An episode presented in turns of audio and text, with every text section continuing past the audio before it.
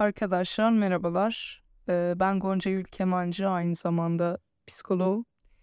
Ee, kendi alanımla alakalı son günlerde planladığım e, ve artık hayata geçirmeyi düşündüğüm bir podcast'i çekmek istiyorum. Psikolojiyle alakalı genel bilgiler vermek istiyorum. Özellikle hastalıklar konusunda veya kişilerin e, problemli olduğu durumlarda ne yapmaları gerektiğine yönelik. Çünkü insanların buna ihtiyacı olduğunu e, az çok görebiliyorum. Bu yüzden şu an e, ilk konumuzla aslında başlamak istiyorum. Peki ilk konumuz ne? E, açıkçası biraz daha ilginizi çekebilecek bir konu bulmaya çalıştım. Disosyasyon yani disosyatif kişilik bozukluğu. Bunu anlatmak istiyorum ilk podcast'te size. E, disosyasyon biraz daha insanların ilgisini çekiyor. 1800'lü yıllardan itibaren aslında e, biraz daha gündeme gelmiş. Belirli vakalar var. E, psikiyatristler bunu çözümlemeye çalışırken aslında böyle bir bozukluğunda cereyan ettiğini buluyorlar. Bunun üzerine araştırmalar yapıyorlar. Peki disosyasyon ne demek? Aslında kelime anlamı olarak bölünme ve kopma anlamına geliyor. Bu da aslında bize biraz e, fikir veriyor. Kişinin kendi benliğinden ve karakterin, karakterinde bazı bölünmeleri anlatmak için aslında bu kavram kullanılıyor. Peki bu bölünmeler yani durup dururken mi oluyor yoksa e, buna sebep olan başka etkenler mi var? Burayı biraz daha açalım. Aslında bunu bir örnekle e, güzel bir şekilde anlatabiliriz.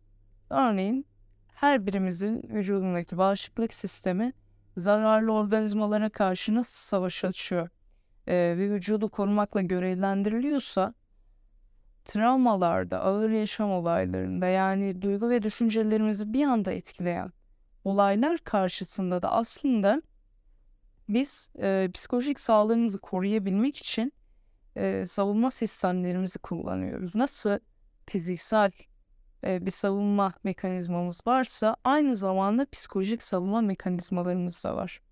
Ve bu tür durumlar yaşadığımızda bu bölünme kopma yoluyla aslında psikolojik sağlığımızı korumaya çalışıyoruz. Şimdi şunu söyledik. Disosyasyon yani bir takım kişiliğimizde olan bölünmeler var. Ee, tamam bu ana karakteri korumak için bölünüyorlar. Ancak şu konuya dikkat çekelim. Bu bölünmeler rastgele bir şekilde gerçekleşmiyor. Tamamen aslında belirli bir ihtiyaç var ve o ihtiyaca yönelik yani ana karakterden bağımsız alter karakterler oluşuyor ancak dediğimiz gibi ihtiyaca yönelik bir şekilde oluşuyor. Bunu örneklendirelim. Eğer bir kişi diyelim kendini savunamadığı bir durum karşısında kaldı ve bu onun için büyük bir olay, bir travma bölünen kişilik yani eğer disosyasyon şeklinde tepki verirse kişinin psikolojisi bölünen kişilik şöyle bir kişilik olabilir. Ana karakterden e, çok bariz bir şekilde kaba, diğerlerini korkutan, şiddetvari bir karakter olabilir bu kişi. Peki şu noktaya da eğilelim. Örneğin ana karakter alter karakterleri bilir mi? Yani tamam bölünen kişiliklerimiz var ama ee, ana karakter bu kişileri biliyor mu? Burası da aslında çok enteresan çünkü aynı hafıza ve bedeni kullanıyorlar ancak ana karakter alter karakterleri bilmiyor.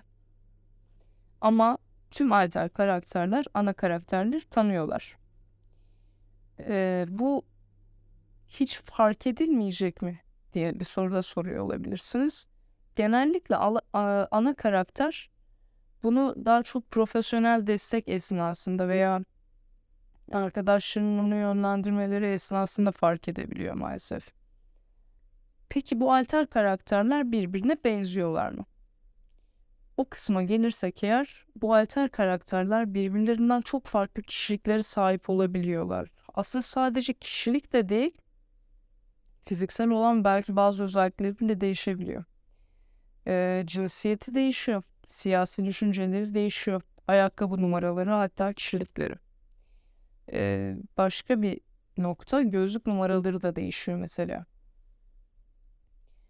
Şimdi disosyasyonla alakalı bölünmelerden bahsettik. E, bu kişiler peki e, yaşamlarında e, nelerle karşılaşıyorlar?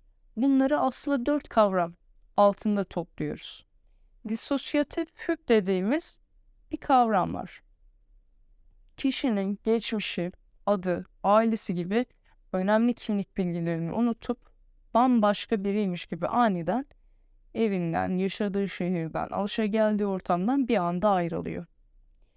Kişi gittiği yerde yeni bir hayat bile kurabiliyor aslında. Ee, kendine gelmesi yani kişinin ana karaktere dönmesi bazen saatler, günler ve haftalar alabiliyor.